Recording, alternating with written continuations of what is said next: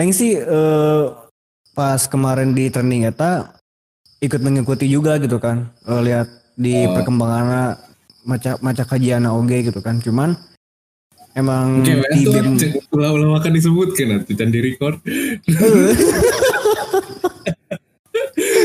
Kembalikan deh ya tuh. Eh, bahaya tuh sok. Iya ngomongnya pakai bahasa Indonesia berarti aingnya. Oh, atau Indonesia tuh pasarna di Indonesia lain orang Sunda tuh. Siap.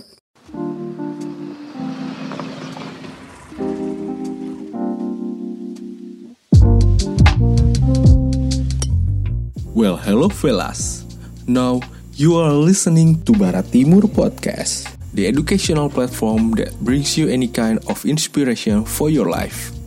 In this podcast, you are gonna find out a new insight and perspective for your problematic college life. Each week, we deliver the best hard thing to talk and discuss about another college problem. Happy listening.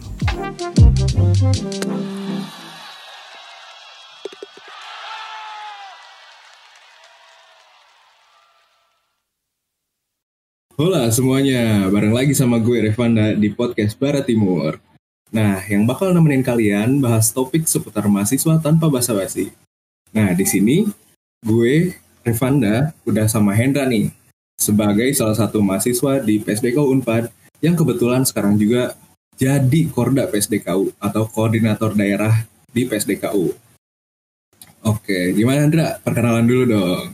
Ya, halo sel- eh, selamat malam semuanya. Karena ini berhubung ini malam-malam ya kita Oh iya, nge-recordnya. malu-malu. Iya, pe- kenalin semuanya. eh, saya Hendra Wijaya. Saya mahasiswa administrasi bisnis PSD Gubernur Pangandaran, angkatan 2018.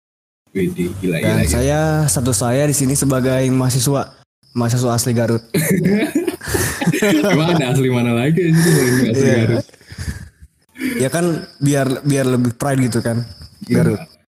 Asgar, Asgar, Asgard. Ini mahasiswa tuh tong cukur anjir Asgar. Gak apa-apa, gak apa-apa. Tapi gimana nih Dra? Sehat Dra? Belakangan ini. Eh, Alhamdulillah kabar gue akhir ini baik-baik aja. Walaupun dalam masa pandemi seperti ini kan kita kerja dari rumah, apa pun dari rumah gitu kan. Yoi. Tapi sampai saat ini masih baik-baik aja. Gimana juga lu Rev? Udah lama nih gak, gak ketemu ya? Iya men asli beneran. Udah lama banget ya ketemu dari tahun baru cuy. iya anjir, setengah tahun kita. Iya, iya sih. Kalau dipikir-pikir ya sekarang udah Juni lagi. Gila, du- 2020 Iya. belum apa-apain gue. Sama, gue berusaha mikir itu. Ini gue ngabisin waktu 2020 mau ngapain aja ya gitu kan. Apa di rumah terus anjir selama, selama setahun gue gitu anjir. Gak produktif banget sih.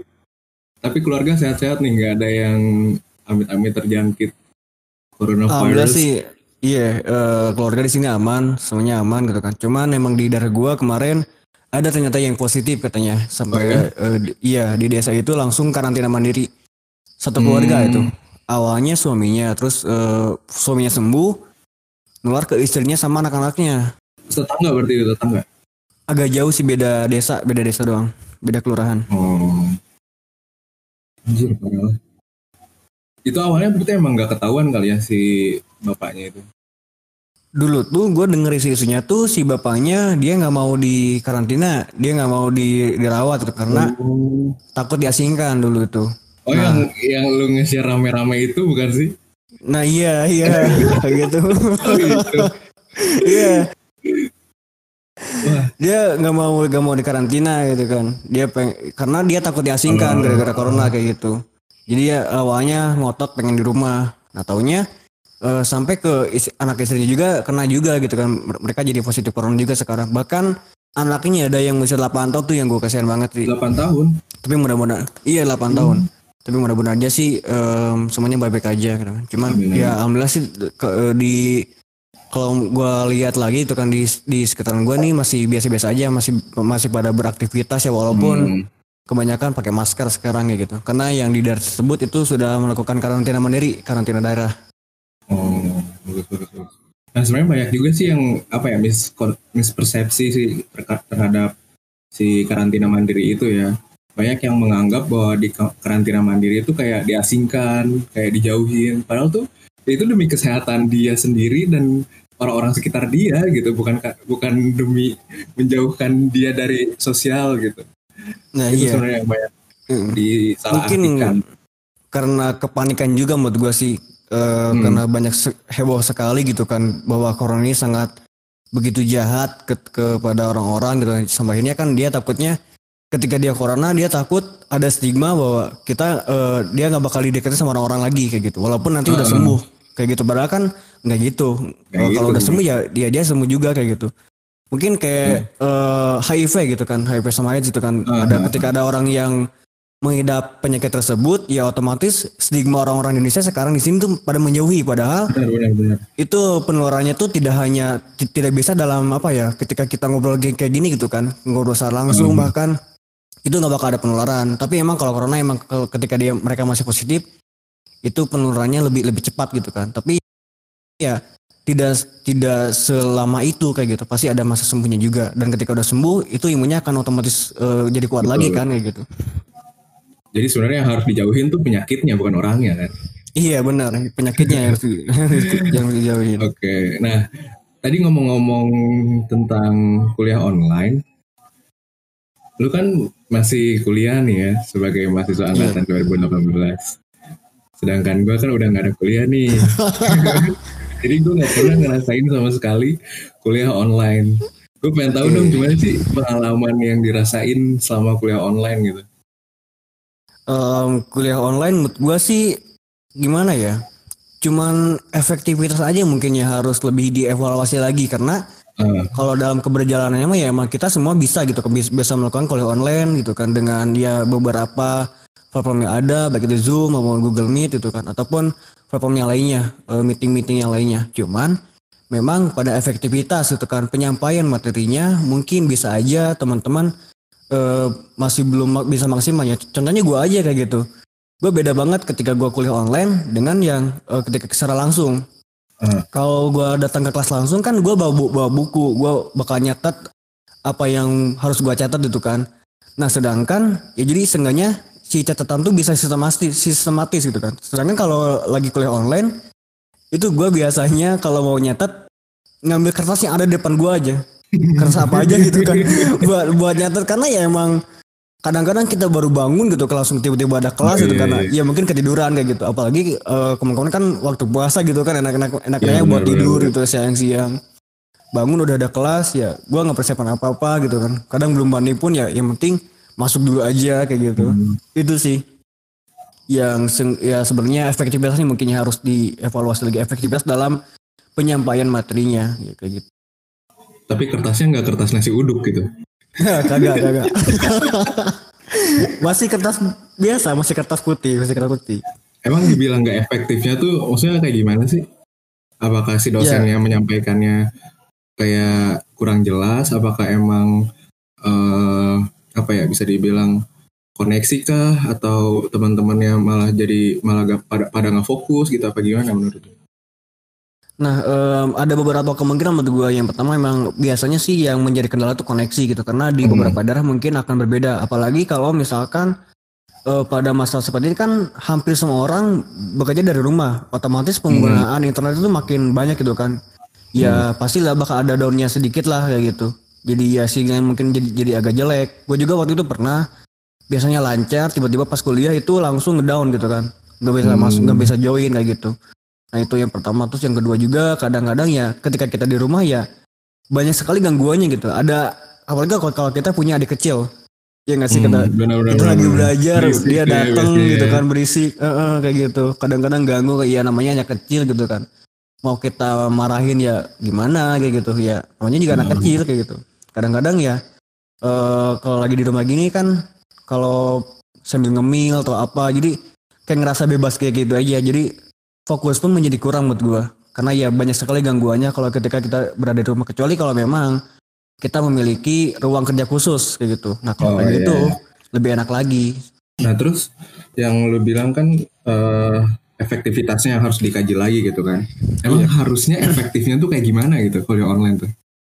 Em, gini sebenarnya kadang-kadang ada dosen juga yang mereka apa istilahnya ya tidak mentoleransi gitu kan dengan masa-masa seperti ini. Atau bahkan ada mahasiswa yang emang selalu ingin ditoleransi juga kayak gitu. Itu kan Hmm. eh, pengandalian dari hal itunya pun jadi bingung jadi agak susah juga kayak gitu kan. Kadang-kadang ya kita waktunya kuliah malah diganti dengan tugas gitu karena ya Oh, kita nggak bakal bisa ada terus-terusan. kuliah gitu. Iya, heeh. Kul- kuliahnya tuh kebanyakan dikasih tugas atau enggak sekarang kan banyak sekali kita eh, ngelakuin webinar-webinar kayak gitu. Jadi kalau ada seminar, dosen tiba-tiba coba ikut seminar ini, ikut seminar ini. Jadi, jadi kan kita nggak tahu ini arah pem- arah pembelajaran kita tuh mau ke mana sih gitu kan? Arah pembelajaran mata kuliah ini tuh Hmm. outputnya apa gitu. Jadi eh, dirasa mungkin nanti si outputnya ini takutnya kurang nyampe ke mahasiswa. Nilai yang disampaikan tuh kurang nyampe. Karena ya kita kadang-kadang banyak terdistrak juga kayak gitu kan. Dengan kita ikut webinar apa gitu. Terus kita ya gitu kan emang bagus gitu kan kita bisa belajar langsung dari praktisinya. Tidak hanya Hmm. secara teoritis eh, melulu gitu kan. Tapi bisa kita belajar langsung eh, secara praktek di lapangan tuh seperti apa eh, keadaan realnya kayak gitu. Cuman ya kadang-kadang ada orang yang emang eh, merasa bingung juga gitu. Ini kita mau eh, arah pembelajaran ini mau mau seperti apa mau mau kayak gimana kayak gitu. Belum lagi ya emang kebanyakan sekarang tuh tugas-tugas selalu banyak sekali tugas gitu. Jadi buat pengganti kuliah kadang-kadang dikasih tugas gitu. Udah a- abis kelas dikasih tugas gitu. Buat ya Hmm. mungkin itu salah satu cara eh, penilaian do- dari dosen itu mungkin. Di mana dosen Hmm. pengen tahu eh, seberapa paham mahasiswanya gitu kan terhadap apa yang sudah mereka ajarkan. Sehingga ada yang ya biasanya kayak post test dan pretest lah kayak gitu Iya, iya, iya. cuma kayaknya pretestnya nggak pernah ada cuma post test doang itu tugas gitu itu sih Berarti kadang-kadang Iya. ada ada kalau misalkan disuruh ikut webinar itu tuh sebagai pengganti kelas online gitu. iya hmm, kadang-kadang webinar tuh di, di sebagai pengganti kelas online biasanya Dan mungkin kalau gua sebagai dosen ya, mungkin eh, kenapa dia lebih memilih memberi tugas, mungkin dia juga nyadar kalau misalkan kuliah online ini menurut dia kurang efektif gitu. Makanya dia lebih prefer buat ngasih tugas aja deh ini ke mahasiswa gitu. iya Jadi hmm. penilaiannya juga lebih lebih mudah juga mungkin dari dosennya dibanding dia harus merhatiin satu-satu nih yang lagi kuliah online kan nggak mungkin juga gitu kan. iya iya Di kelas aja nggak semuanya terperhatiin kok apalagi kalau online gitu kan. nah iya itu gitu kan kadang-kadang kan ada masalah yang dia join nggak nampilin muka orangnya nggak tahu ke mana Ah, gitu iya, kan bener. Iya, bisa gitu, cuma di online doang Iya. ke mana tidur lagi. kelas udah beres dia tinggal nyisa dua orang ada satu orang bahkan kan di room gitu itu yang parah nih ada temen gue yang kayak gitu gitu Oh ya, iya ada yang kayak gitu gurunya di, di endin baru cabut kali ya. dia tidur kayaknya dia tidur jadi nggak dia- jadi nggak tahu kelas udah beres gitu Iya kan benar benar benar benar. Emang gak ada peraturan yang harus FaceTime gitu yang harus menampilkan muka itu nggak ada peraturan kayak gitu. itu gimana dos gimana dosennya sih ada juga yang emang Oh. harus full dari awal sampai akhir harus kayak gitu gitu kan Oh, Hmm, cuman ya kendalanya mungkin di kuota akan lebih boros gitu buat teman-teman iya iya. iya. cuman ya positif positifnya sih ya itu gitu kan kita bis- bisa lebih cepat gitu kan apa ya misalnya kalau kita mau belajar dari praktisi itu gampang gitu kan kita tinggal langsung Hmm. kontak via online dan kan biasanya kalau misalkan kita pengen belajar dari praktisi kita harus ngundang ke seminar biasanya. Dan itu memakan waktu dan biaya yang lebih mahal lagi. Tapi Iya, dengan iya, adanya se- eh, metode daring seperti ini ya ini jadi lebih mudah dan juga memaksa kita untuk membiasakan eh, bahwa jarak itu bukan jadi eh, bukan jadi kendala lagi gitu kan. Kita bisa belajar di mana aja kayak gitu. Itu sih mungkin Iya, yang iya, iya. positifnya menurut gua gitu kan. Jadi lebih mudah gitu intinya ketika kita pengen mendatangkan pembicara-pembicara yang bagus gitu kan tanpa harus mengeluarkan biaya yang yang lebih lagi Jadi nggak keluar biaya transport dan lain-lain lah gitu. iya ya. kayak gitu Tapi kalau lu sendiri lebih senang kuliah cara di kelas atau online kayak gini? sejujurnya gue lebih seneng di kelas bukan karena mata Kenapa bukan karena belajarnya sih cuman lebih ke eh, sosialisasinya gitu kan ya gue di Iya, rumah iya, dan iya. kadang-kadang gabut gitu kan dan ya itu juga nggak fokus tapi kalau di kelas tuh seenggaknya kita ketemu sama orang-orang jadi ada gairah buat belajar kayak gitu. Atau enggak ya walaupun betul. walaupun di kelas tuh cuma tidur seenggaknya setelah kelas tuh kita bisa langsung nanya-nanya ke teman-teman yang ada di sana kayak gitu kan. Yang emang dia lebih paham. Yakin emang yakin nanya-nanya. yakin kalau emang mau uas. Nanya kalau udah kalau kalau mau uas kalau enggak ya ya udah enggak gitu. Buat catatan ca- belajar iya. sebelum UAS Hamin satu tuh iya gitu. Coba kalau kalau kalau kalau di rumah kayak gini gitu kan kita mau belajar bareng Iya, dia. nggak bisa gitu kan. Kalau kita udah tidur aja pas kelas kita nggak tahu materinya pas uas mampus udah gitu kan. Kita bisa nggak ngapain anjir. Minta catatan ke orang-orang juga. Ya mereka pun sibuk sama gitu kan buat belajar. Tapi kan kalau secara langsung kita bisa bela bisa belajar bareng. Mungkin mereka juga nggak nyatet gitu. Iya gitu. Jadi mungkin iya kayak lebih, gitu aja. jadi mungkin lebih ke vibes belajarnya kali ya untuk hmm, makanya lebih seru dalam tatap muka langsung gitu kan karena hmm, ya gitu ya gue juga setuju sih lebih lebih prefer buat ketemu langsung gitu karena yang yang bikin semangat kuliah tuh sebenarnya orang-orang yang ada di kelasnya gitu bukan mata kuliahnya ya nggak sih Iya, apalagi kalau lu pengen eh, sambil sambil jalan kuliah lihat cewek yang lu suka gitu kan. ya. aduh, Wah, aduh. itu ya makin makin semangat itu bro sumpah. Itu tuh jadi support system banget buat kita. apalagi sekelas Hendra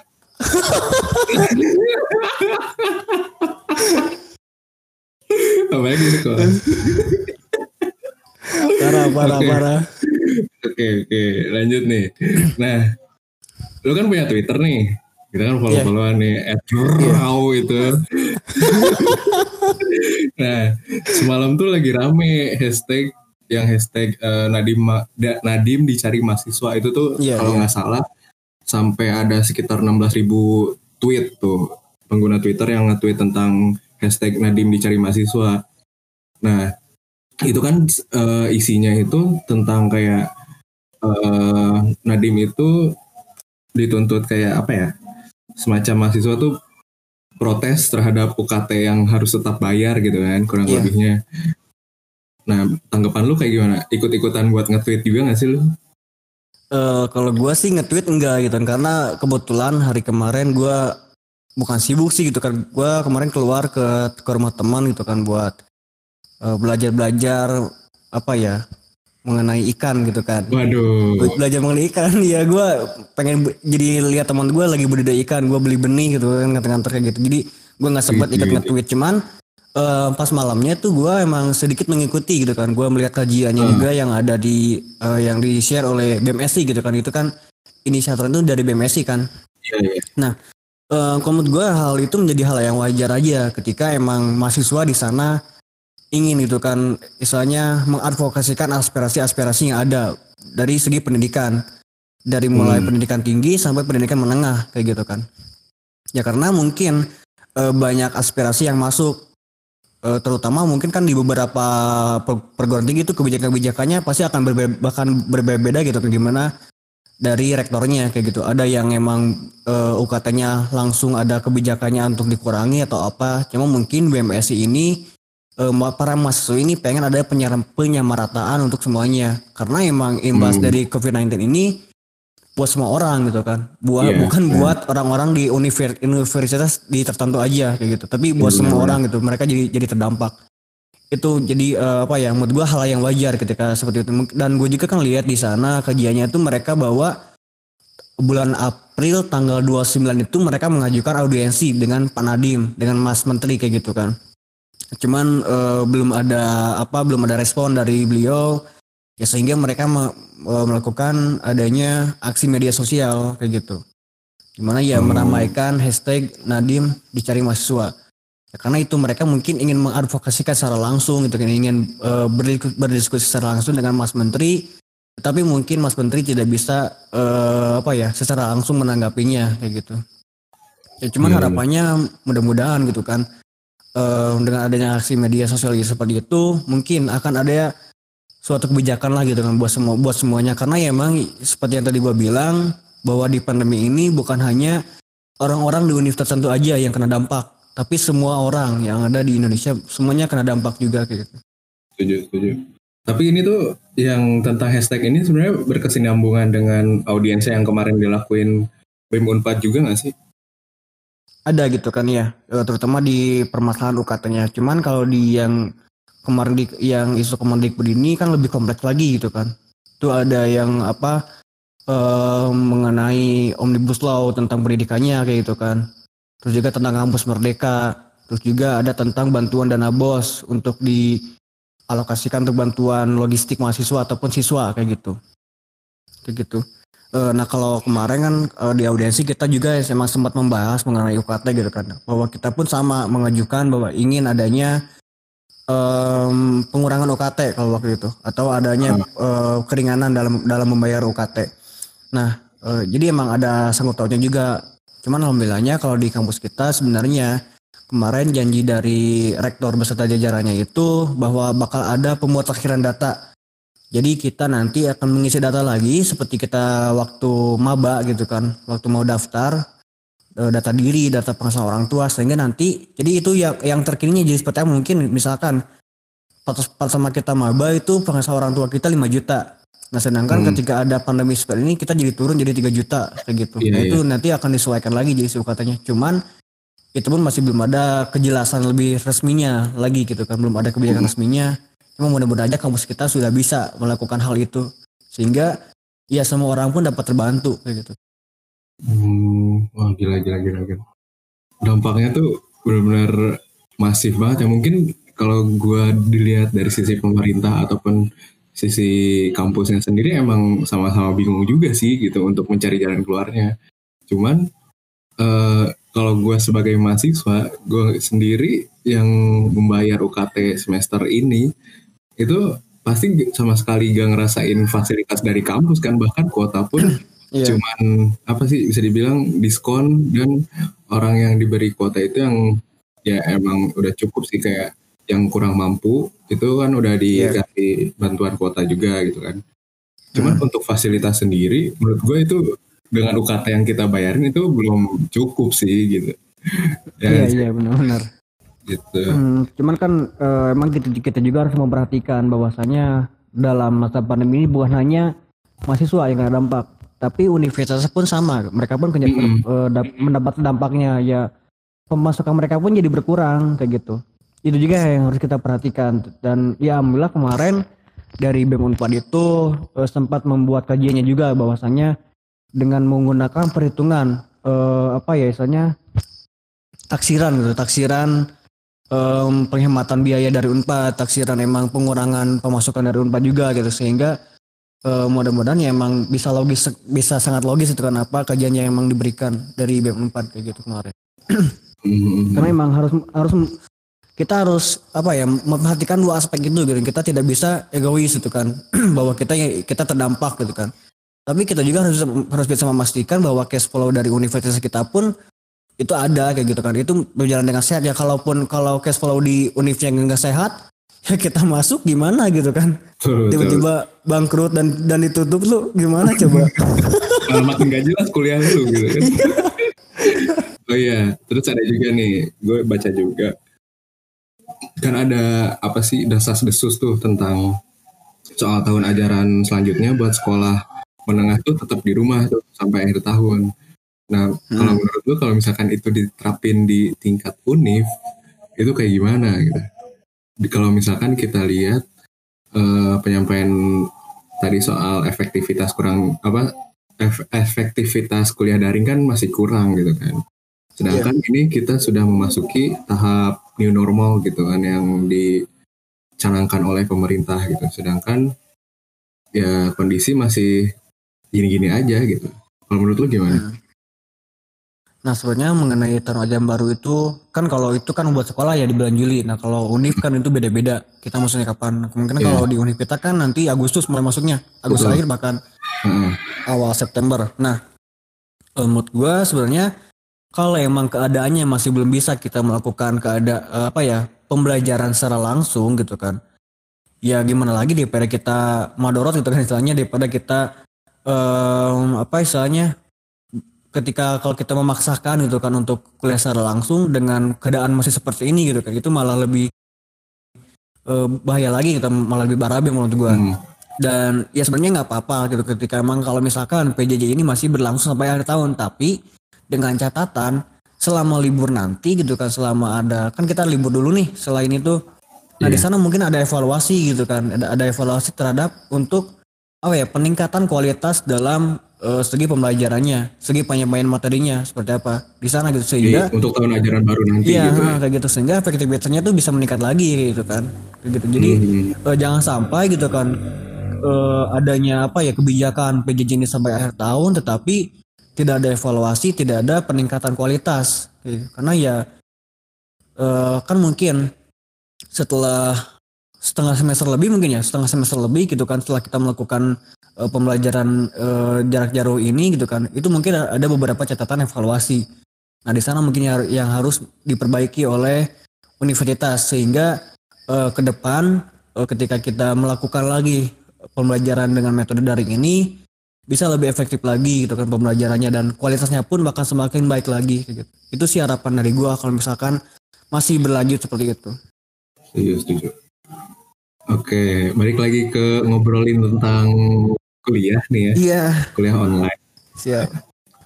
Kalau kan banyak nih tentang kuliah online nih kayak tipe-tipe mahasiswa nih misalkan ada yang eh, orang-orang yang deadlineer ketika memulai kuliah lu baru bangun, lu baru siap-siap. Gitu atau ada juga yang udah siap-siap dari misalkan kuliah jam 8 udah bangun dari jam 6 gitu mempersiapkan segalanya laptop, kuota dan lain-lain gitu. Terus ada juga yang suka nyatet dan lain-lain gitu. Nah kalau lu tuh tipe yang kayak gimana sih kalau lagi kuliah online? Gua tuh sebenarnya gini kalau gue gimana gimana dosen sebenarnya. Ada atau enggak lu lu bisa menilai mungkin teman-teman kelas lu dah kalau lagi kalau lu lagi kuliah online kira-kira ada yang kayak gimana aja sih orang-orang tuh? Iya sangat-sangat variatif menurut gue gitu kan. Contohnya nih gue gitu kan. kalau gue gimana dosen? Kalau dosen emang dia tuh hmm. tipe yang apa ya biasanya disebut dosen killer gitu kan. Gue waktu itu hmm. pernah um, kebetulan tuh waktu itu gue mau presentasi jam 8 jam, jam 8 pagi. Hmm. gue tuh bangun dari subuh bangun dari subuh gue baca-baca buat presentasi karena ya dia galak dosennya gitu kan. Kalau gue nggak lancar presentasi itu mampus. Gue bakal dimarahin habis-habisan kayak gitu. Gue mau persiap gue nyiap nyiapin dari mulai pagi kayak gitu kan. Uh, sampai ya pas presentasi pun ya gue masih gue udah udah seger gitu kan dengan gue udah siap buat presentasi. Nah tapi kadang-kadang hmm. kalau emang dosennya tuh nyantai gitu kan gue pun sama kayak contohnya tadi dah gitu kan. Gue mau kelas sore sih sebenarnya itu kelasnya jam jam setengah lima dan gue ketiduran jam setengah empat gue ketiduran bangun bangun jam lima anjir jam lima lebih gue baru bangun itu kelas udah mulai atau udah selesai Udah mulai, udah mulai. Oh, udah udah mau gitu. udah mau beres makan. iya itu udah mau beres gue join itu kan. Dan hmm. ya kebetulan gue harus update dulu aplikasinya nih gitu kan. Dan udah gue update, gue gue join gitu kan. Terus gue inget gue belum sholat, gue sholat itu kelas tinggal. Fair fair. Sampai gue pas lihat HP itu itu tinggal diskusi akhir-akhir aja tinggal pembahasan evaluasi UTS kemarin gitu kan. Uh. Dosen dosen yang ngajarnya udah nggak ada tuh sama tinggal sama dosen muda tadi tuh yang yang menunya. Kalau yang dosen yang ngajarnya tuh dia udah udah log out anjir. udah udah jadi kuliahnya udah udah beres baru gue pegang HP. Aduh anjir semua itu parah banget. Uh, ada juga yang emang dia kan ada tuh dosen tuh sebelum masuk absen dulu gitu kan dia lupa oh, iya. nggak absen anjir ya ya iyalah gitu ya percuma biasanya absen dulu pakai pakai Gform biasanya absennya. Oh, iya. Yeah, pakai pakai Gform. Kan itu nggak boleh telat tuh. Ada hmm. teman gue yang emang dia lupa absen dia masuk aja gitu kan dengan dengan santainya gitu. Tiba-tiba hmm. iya hmm. ini ada yang mau isi absen anjir. Ya mungkin kan dia pun panik gitu kan. Bangun mungkin dia dia dia baru bangun langsung langsung join gitu kan. Ada juga yang emang apa uh, ketika disuruh buka itu biasanya gue nih kalau lagi kuliah online itu grup juga grup grup juga suka, suka nyala gitu kan di grup kelas tuh. Hmm. suka rame-rame kayak gitu kan buat sambil chatting di sana gitu kan. Nah itu yang rame itu ketika dosen tiba-tiba minta dibuka apa ya di suruh pakai video gitu kan buat buat nampilin muka mukanya itu ada yang rame banget anjir. Ada yang lah gue nggak pakai kerudung lah atau apalah gitu kan. Mereka baru sibuk-sibuk bener-bener kerudung gitu. Dan kebanyakan emang eh, ketika kuliah online ini penampilan tuh menjadi hal yang bukan apa ya. Kan biasanya nih kalau lu kalau lu kuliah gitu kan lu harus kelihatan cool gitu kan rapi gitu kan. Ini enggak anjir orang-orang pakai kaos sebelum mandi gitu kan ya walaupun ke kampus kalau lagi kuliah live ini ya kuliah live. Kalau lagi kuliah secara tetap muka tuh walaupun lu gak mandi pun setidaknya lu terlihat segar. Nah iya baju, iya. baju rapi wangi gitu kan. Ini nah, kalau ini enggak. ya bodo amat tuh mau, mau wangi mau bau mau baru bangun tidur. Yang penting muka gue Sumpah. online gitu. Sumpah anjir. Yang penting tuh cuci muka doang udah gitu kan. tapi nggak apa-apa emang pakai kaos-kaosan doang gitu. Eh, nggak apa-apa sih sebenarnya. Gue sama sama iya sampai sekarang belum belum ada yang dimarahin gitu gara-gara pakai kaos gitu.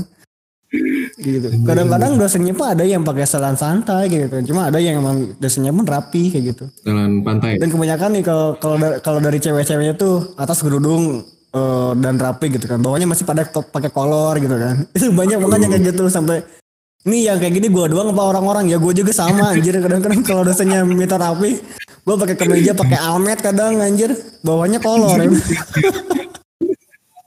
Gue seumur umur ya kuliah nggak pernah pakai almet anjir kecuali disuruh gitu kecuali disuruh.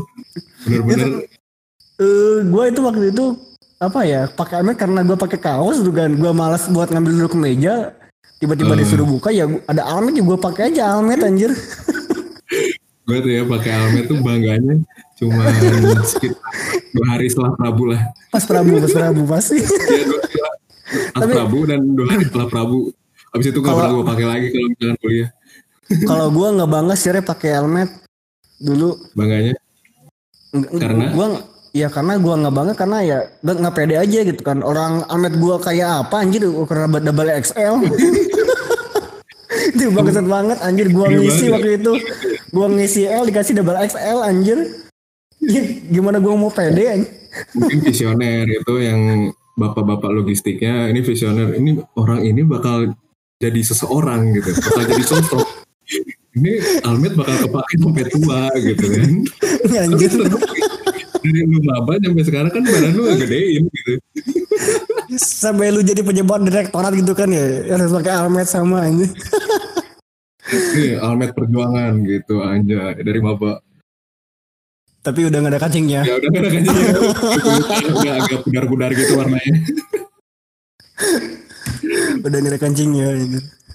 Nah, terus terus nih balik eh, masih tentang kuliah online. Kita tentang ngobrolin tentang kuliah online sebenarnya hari ini.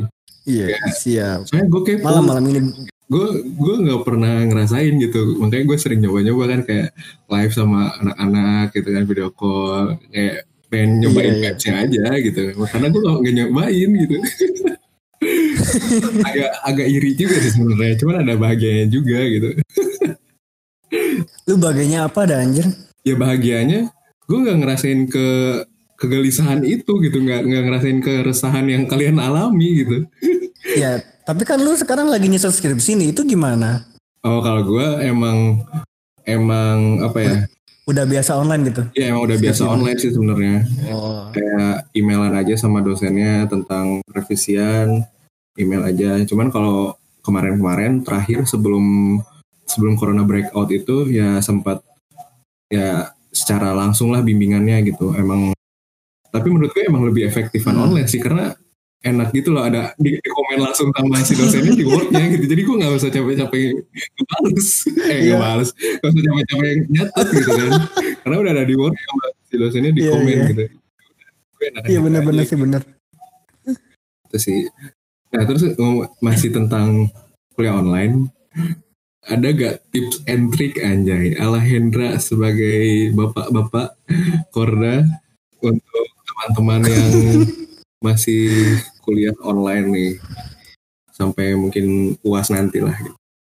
Oke, eh, kalau tips tips and trick buat kuliah online gitu kan. Sebenarnya gue nggak punya trik khusus kalau buat kuliah gitu. Cuman kalau trik gue buat menghadapi kegabutan dalam masa pandemi ini ada sebenarnya. Gitu. Kalau kuliah ya mungkin gitu-gitu aja sebenarnya tips and triknya ya mungkin eh, lu bisa dapetin dari orang-orang yang emang dia ambis banget di kuliah. Sedangkan gue gini-gini ada gini gini adanya kayak gitu kan. Gak gak gak ngabis banget kuliah. Nah kalau gue sih sebenarnya kan gini banyak orang-orang yang emang dalam masa ini tuh mereka ngerasa apa ya eh, bosan banget sampai-sampai ada yang paling parah tuh kesehatan mentalnya jadi jadi keganggu kayak gitu kan ya karena dia di, dia di rumah aja terus dia nggak nggak ke mana-mana Hmm. kurang bersosialisasi kayak gitu kan sehingga itu menjadi eh, apa ya berdampak kepada kesehatan mentalnya Nah, Hmm. kalau dari gue pribadi gue juga sempat ngalamin hal itu gitu kan gue di mana udah udah ngerasa bosan banget gue ngerasa stres banget gitu kan karena ya gue nggak bisa refresh otak gue gitu kan orang gue cuma diem di kamar diem di rumah nggak ke mana-mana Ya, gitu kan kayak jenuh banget gak sih gitu. Heeh, jenuh banget. Nah, eh tapi sebenarnya em, dalam eh, apa ya dalam masa seperti itu gue buat ngilangin, ngilangin kegabutan gue tuh gue coba buat cari kebiasaan baru gitu. Kita coba buat mencari hobi yang baru lagi kayak gitu. Kan seperti ini sekarang gue gitu. Kan Kasih tahu. Eh, iya. Gue sekarang beli tanaman tanam bibit-bibit tanaman kayak gitu kan. Ya seenggaknya gue ada mainan lah gitu kan buat menghilangkan stres gue ada kerjaan lain gitu rem gue bisa ngajak ngomong tanaman gue kayak gitu kan cepet gede cepet gede gitu Terus juga gue adopsi lagi kucing gitu Se- sehingga ya gue ngerasa ada teman kayak gitu walaupun ya itu binatang tapi ya lucu- kucing kan lucu kalau menurut gue sih gitu kan ada manja-manjanya kayak gitu Walaupun gak ada gunanya sih. Heeh. Jadi eh, kayak kita bikin eh, apa ya? Kita ciptakan suasana yang buat kita nyaman kayak gitu. Jangan sampai ya kita apa ya ngerasa kita tuh udah gerah, ngerasa kita tuh udah nyaman, tapi kita diam-diam aja dan masih ngelakuin hal-hal yang emang seperti itu. Dan bahkan eks- ekstrimnya kita malah ya kita nggak taat aturan, kita malah keluar kota, kalau ke mana. Hmm. itu kan jadi bahaya. Tapi menurut gua buat ngilangin stresnya ya kita bikin eh, suasana jadi lebih nyaman. Gimana keinginan kita aja kayak gitu. Tapi yang konteksnya masih di rumah kayak gitu. Seperti ya kita gua kalau gua gua pribadi kan bercocok tanam gitu kan. Terus gua miara miara kucing kayak gitu kan. Hmm. terus juga selain itu kadang-kadang dalam masa seperti ini tuh menjadi hal apa ya menjadi momentum yang baik menurut gua buat kita re- refleksikan diri kita gitu kan.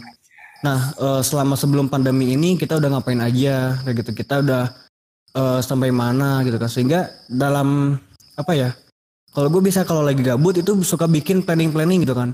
Hmm. ntar setelah pandemi gue pengen merubah hal ini. Gue bikin Eh, apa ya roadmapnya lah istilahnya kayak gitu. Gue harus ngapain aja. Sehingga nanti tuh apa ya istilahnya eh ketika pandemi ini udah berakhir mungkin gitu kan. Eh bukan mungkin sih amin gitu kan amin. Pandemi pandemi ini pandemi ini berakhir kita punya semangat baru gitu kan. Kita punya punya semangat baru buat jalan buat jalannya hari-hari kita lebih baik lagi ke depannya. Dan juga emang banyak sekali pembelajaran yang gue dapat dalam eh, di masa ini gitu kan. Gimana ya apa menurut gue eh, kita tidak terfo apa ya ketika ada permasalahan tuh kita nggak stuck di sana aja gitu kan. Kita nggak nyerah gitu aja. Dengan kita nggak menyerah dengan keadaan. Kayak gitu. Tapi kita bahkan harus bisa berusaha gitu buat mencari solusi-solusi yang ada. Walaupun keadaan seperti ini karena ya menurut gua orang-orang yang hebat tuh mereka tidak akan apa istilahnya mereka tidak akan menyerah dengan keadaan. Mereka tidak akan menyalahkan lingkungan mereka mereka tidak akan menyalahkan keadaan mereka. Tapi mereka bakal mencari solusi gitu kan untuk menghadapi permasalahan-permasalahan yang ada. Ya mungkin seperti saat ini gitu kan kita eh, apa ya ngerasa ruang ruang kita terbatas. Tapi sebenarnya ruang kita secara online itu menjadi menjadi tidak tidak terbatas gitu kan. Waktu kita di rumah jadi lebih banyak gitu kan. Dan apa ya buat ketemu sama orang-orang yang orang-orang jauh kayak gitu kan buat mencari pengalaman-pengalaman baru ikut webinar atau apa itu jadi lebih mudah gitu kan. Waktunya pun ya kita tinggal ngatur jadwal kapan buat ikut webinar itu kita tinggal online kayak gitu kan nggak harus kita datang ke sana jauh-jauh dan itu memakan biaya dan waktu yang lebih lama lagi gitu walaupun emang esensinya akan berbeda gitu. Anjir, keren, keren, keren, keren. Ini patut dicontoh juga nih ya Bapak Hendra ini sebagai Korda emang sia-sia gue milih Hendra sebagai Korda. tapi gue gue juga sekarang lagi mikir nih gue pengen budidaya ikan nih kayak gue salah gak tahu sampai gak tahu salah ngambil jurusan gitu kayaknya tapi seenggak- tapi masih masuk kok gitu kan ya gue jadi pengusaha pengusaha ikan gitu kan terus gue kemarin tuh ikut teman gue kayaknya seru juga gitu kan eh, apa pas naburin benihnya gitu Iya, pas ngasih pakan eh, ikan-ikannya kayak kan. Jadi kayak gue dapat apa ya? Dapat kesukaan, dapat hobi yang baru kayak gitu kan. Dan itu membuat gue senang juga sih gitu kan. Jadi kita nggak begitu stres. Tapi kalau masalah budidaya mah jangan tanya sama gue ya. gue bukan anak budidaya. Bisa tanya Agi, Iya, tanya iya. Raffi, tanya tanya- Ya banyak lah budidaya. Yang jelas jangan gue, jangan Istiqo, jangan Fadil. Lu emang fokus di apa nih? Gue sosial ekonomi kan, gue gue Fadil Kibo fokus di Oh iya. Soal ekonomi ya iya. Oke, terakhir nih, terakhir. Karena kita udah cukup lama juga. Ada pesan-pesan nggak buat teman-teman mahasiswa yang baik di kampus kita ataupun di luar sana yang mendengarkan podcast ini dari Hendra sang bapak korda kita anjay gimana ada pesan-pesan? Oke kalau ya pesan dari gua sih mungkin tidak henti-hentinya gitu kan. Gua bakal minta mereka buat kita semua gitu kan buat tetap semangat eh, bagaimanapun keadaan kita saat ini kayak gitu. Karena ya apa pun itu gitu kan ya mungkin kita sudah memiliki beberapa planning-planning gitu kan. Yang kita yang kita susun di awal. Mungkin kan orang-orang orang biasanya suka buat apa ya istilahnya gua tahun 2020 pengen punya goals apa gitu kan. Nah sedangkan eh, dalam masa dalam masa pandemi ini mungkin ruang lingkupnya jadi menjadi terbatas. Tapi gua minta eh, teman-teman apa ya istilahnya jangan terhalang dengan hal ini gitu. Kita jangan tiarap dengan pandemi ini.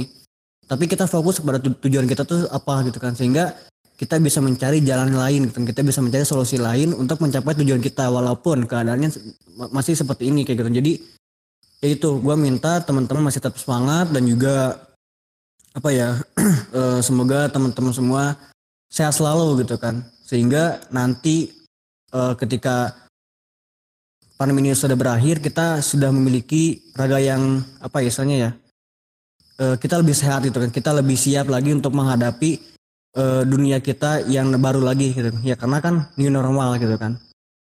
Kayak gitu. Terus juga dalam masa ini sebenarnya ini bagus banget buat kita buat men, apa ya buat merancang lagi sebuah strategi kita ke depan mau kita mau mau seperti apa kita mau melakukan apa apa aja kayak gitu kan. sehingga eh, kita akan lebih siap menghadapi lagi gitu kan eh, masa-masa yang akan datang nanti. Dan ya intinya kita harus belajar kita harus belajar dari eh, corona gitu. Kita harus belajar dari dari dari covid-19 ini. Karena ya dengan segala keterbatasan dengan segala kekurangan dalam dengan da- di- dari masa pandemi ini eh, pasti akan ada hikmah ada hikmahnya gitu kan. Pasti akan ada pembelajaran yang dapat kita ambil dari eh, situasi seperti ini. Mungkin itu aja dari gua. Buat teman-teman ya tetap semangat dan sehat selalu pokoknya. Jaga diri jaga keluarga dan jaga semangat kita semua. Seperti itu jaga hati rep jaga hati rep. Eh, kamu itu mah kamu. Oke, mungkin kalimat tadi sebagai penutup kita di episode 2 kali ini. Terima kasih buat semuanya yang udah dengerin podcast ini. Oh ya, jangan lupa follow juga di Instagramnya beratimur.podcast untuk info-info terbaru dari kita. Dan gue Revanda, gue Hendra Wijaya see you in the next episode. Thank you, bye. terima kasih semuanya thank you